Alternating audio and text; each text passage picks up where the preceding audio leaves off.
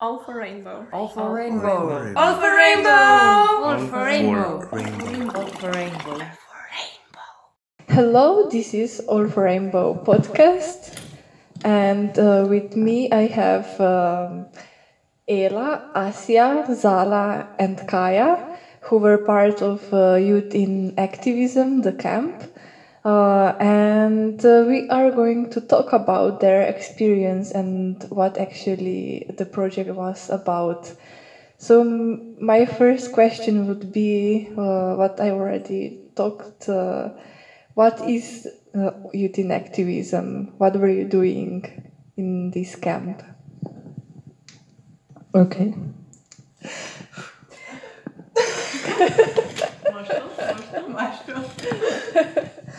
This is because I'm so tired. Okay.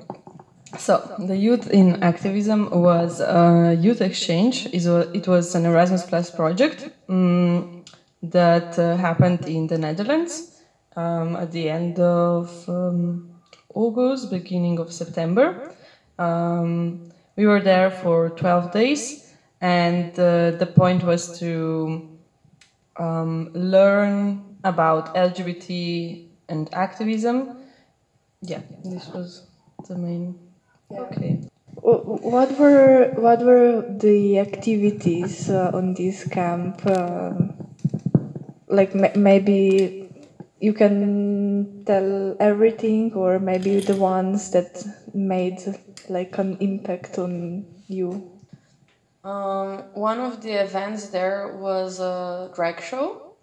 Um, Chelsea Boy came um, and like he presented himself, and then we had some classes with him, but not in a sense of actually drag. Um, but he did like some workshops with us more in the sense of personal growth. Um, he gave us like some some tips, some stories, examples, um, and it was a very nice experience for me.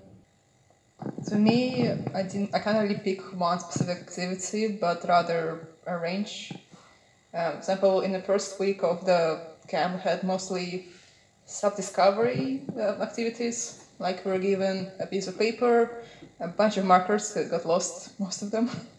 Um, and then in groups we could um, discuss and um, like write notes, and then we share among all of us and uh, discover like about ourselves, about our countries, about countries of other people, um, and yeah, like it's good to bring it um, as well to others. We also had some like outdoorsy activities, so we actually went camping. We went for like one night. We camped outside, and it was more like a bonding experience with, with everyone else because we were like a large group, like thirty people from seven, eight different countries, Six. six, seven. I forgot. Italy, Slovenia, Bulgaria, the Netherlands, Portugal, Latvia. Latvia. Oh, and Greece. Yeah. Seven. Okay, oh. so yeah, we were quite a large group, so the camping was also a nice experience. We bonded a bit, we cooked for ourselves, and of course, we went biking because it's the Netherlands. I actually uh, know the place where you were because I was there uh, on a short uh, ESC project. Uh, so I was also living in the same building as you, probably. Um, how did you like the place uh, and um, the city? Did, did it felt like uh, inclusive uh, or not so much? In, in general, the Netherlands is, I think, like a, a super open minded country. And first, we arrived to Amsterdam. Uh, I was there a day before or two days before all of you came. And I was just like, oh my god, it's crazy like how many LGBT flags you can see everywhere. We were staying in Ommen, which is a really small city, but um, there was less LGBT flags and stuff, or I actually don't remember that I would see any in the city, but mm, you can tell that people are super open minded because, like, for example, once mm, on the day that we went camping, we had some kind of scavenger hunt and we had to do different activities. And I remember one of them was uh, go find a gender neutral toilet. So we were sitting in a bar, and um, I asked the bartender if she knows if, she, if they have a gender neutral toilet or if she knows where we can find it. Um, oh, and there was also, and yeah, she was like, she had a positive reaction. Actually, didn't have it there, but um, she was like not transphobic or didn't make any weird comments. and also, we asked her what does she think about LGBT. I think one of the questions was something like that. I don't know. And then she like explained her point of view. La la la. She was not from the community, but she had a positive attitude. Um, yeah. So I think that Netherlands, the, the Netherlands in general is like super queer and open-minded. Okay. Um, I was. I also saw some photos of uh, the project and the activity that you did uh, on the streets, uh, and uh, you were in different groups. How was it? How, tell me more about it. Okay. Um, the previous day we went into groups and we decided what we want to do. So each group could do like something different. Um, so we prepared that day and then the next day we went to Zwolle. And my group, um, we had a few games with the flags and they could play a game so we, they could pair a flag to the name. So, for example, like a tra- traditional pride flag, where then you had like bisexual flag, all of the flags. Um, then we had um, we asked them to write a letter if their grandchildren would be in the LGBT community, so they could actually like um, go into the place of a person that would actually like how would they feel and they could maybe have a moment and think about, a bit more about like what is their stance on the lgbt topics One person also decided that they're gonna cut their hair, so they were standing there with a poster, um, and on that poster it was written something like, uh, "In some countries, women don't have the right um, to do whatever they want with their bodies, and today I want to step in their shoes. So I would like to ask you, like random strangers, to cut my hair." And um, yeah, that was pretty powerful, I think. Our activity, we decided to give um, strangers, passersby, um, cute drawings of affirmation with a lot of LGBT puns. It was uh, very fun and also it like made us meet some great people. Few of them actually even uh, stayed with us. Uh, to the point, uh, my flag, which I brought from Slovenia, is now forever in Netherlands. But it was a great experience, and uh, like for me, it was first time to be out on the streets and uh, do activism. Um, it, some people were mm, not with the best intentions, just like um, reached at us and moved. Uh, some stayed us and talked to us, had some questions. Um, it was a great experience. Yeah, I was in the same group with Asia, so it was it was quite quite nice to see the reaction of people um, to our messages, like to our messages of affirmation. But also, it was a really interesting experience for me because I noticed that I was only approaching like younger people, people who looked more alternative or open-minded. So then I started like consciously approaching like older people, maybe retired folks, and I mostly also had like great reactions. Like no one was like homophobic or they will or just oh thank you or just went went forward because they were afraid I was selling something. It depends. but yeah, it's I, I love the street action day. We had a beautiful day and Zwolle was also a really nice city.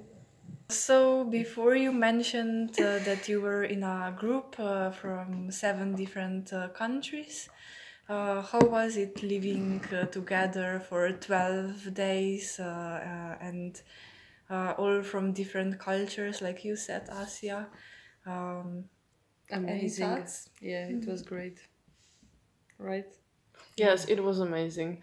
Like maybe you would think it could be hard because we are all coming from different cultures, but I think it was amazing. Like everybody brought something with them basically, and we built such a beautiful community. Uh, to me personally, uh, I thought it was funny to hear others saying they had to come out of their comfort zone to meet and interact with other cultures every day for many hours a day. Uh, to me, it was other way around. It's like the comfort zone because I was raised in this community. Um, so it's like big, basically going back to roots, even though the roots uh, have no particular country. So like whoever's like Latvians, Greek, uh, uh, Dutch people, it was like home to me.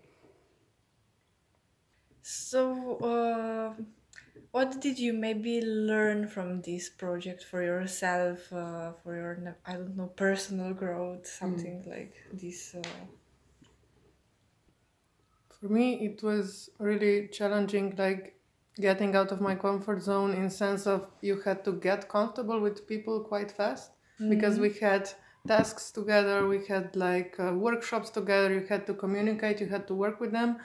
And it was like 30 new people all at once because I didn't even know the Slovene team very well when we went there. So I had to like get out of my comfort zone and meet people really quickly.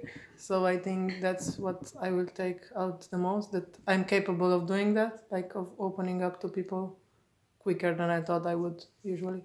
Yeah, uh, especially after cor- Corona and quarantine, we gotten used to teamwork and basically having other people around you when you work and well try to leave, I guess.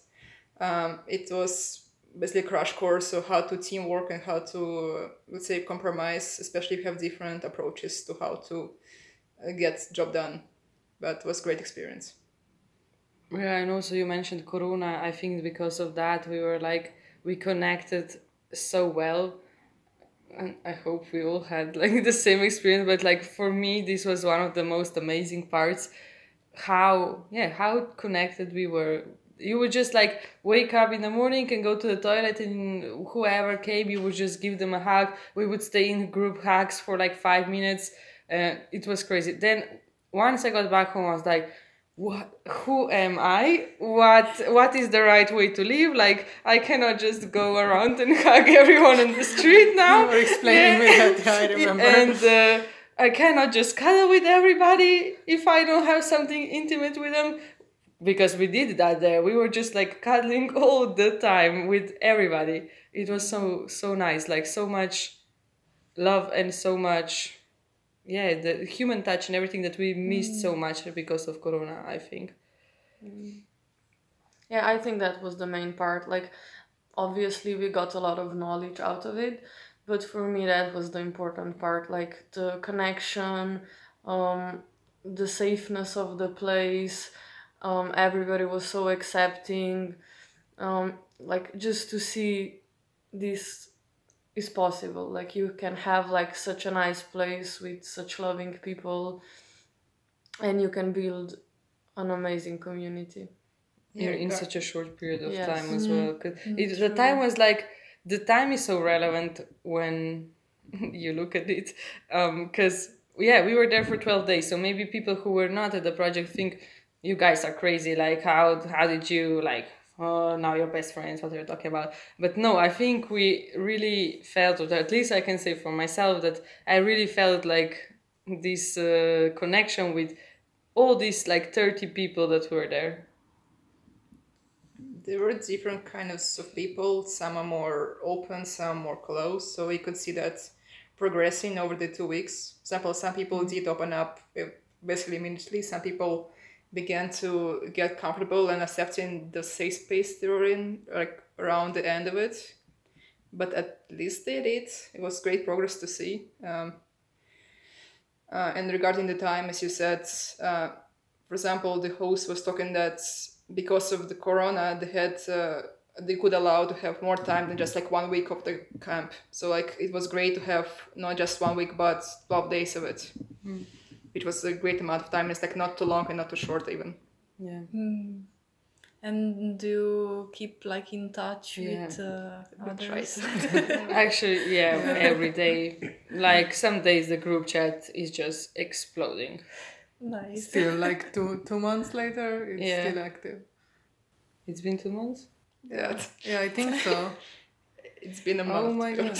Yeah, from the start. Yeah, From from the start, start, yes. I think it's Oh been my like two God. months. And we had so many reunions already. Well, not the Slovenian team. not they are but- leaving us out of that. But like, I think at least 10 reunions already. Yeah, we go to the AC call, somebody has to come here. Yeah. I'm talking with Erika. I saw the Italians sharing it, like the call from the, the event, they are all sharing it. Yes. Yeah. yes. Uh, Rebecca And even attending replied. it, yeah. Yeah, Rebecca replied to this account uh, with the, the heart. He was like, yeah, please apply, come here. Please come, yeah. Um, cool. Um, and what about like um, is this was in September, right? The end of the mm, project, or is it like continuing uh, also after, uh, or this was just the camp and no other like um, you won't uh, have like a volume two or I think just the follow ups that each national team has to do, like to use the knowledge that we gained. I think that's the continuation of the Yeah. project. But like physically, all of us together, I don't think that's the. There is no official plan to do that. Ah, that. you mean that when at some projects they meet again, right? yeah Later? after Mm. uh, yeah they have Yeah, no, I think this is yeah the the one time thing, which is super sad because I would love to spend time with this exact group of people. Because yeah. the organizers are preparing other projects, and I will try to attend all of them. But of course, like thirty of us will not have all of us like time at the same time. So that was also like the sad part when we were saying goodbye i think because you know that you okay yeah these people they're not gonna die soon at least hopefully uh, but um, you will never be together with them in such an environment and with all of them together Yeah, the amount of people crying in the last three days was insane. yes we were a big crying mess We cried so much. I think that's like the common Erasmus experience. Yeah. Like every degree of Erasmus is the same. You won't ever have that same experience with Yeah. that same people in that same setting again. I think that's also like a bit of a magic of it. Like mm. because you know that it's that time that you have with those people. yeah would you recommend this to other yes big time Definitely. Definitely.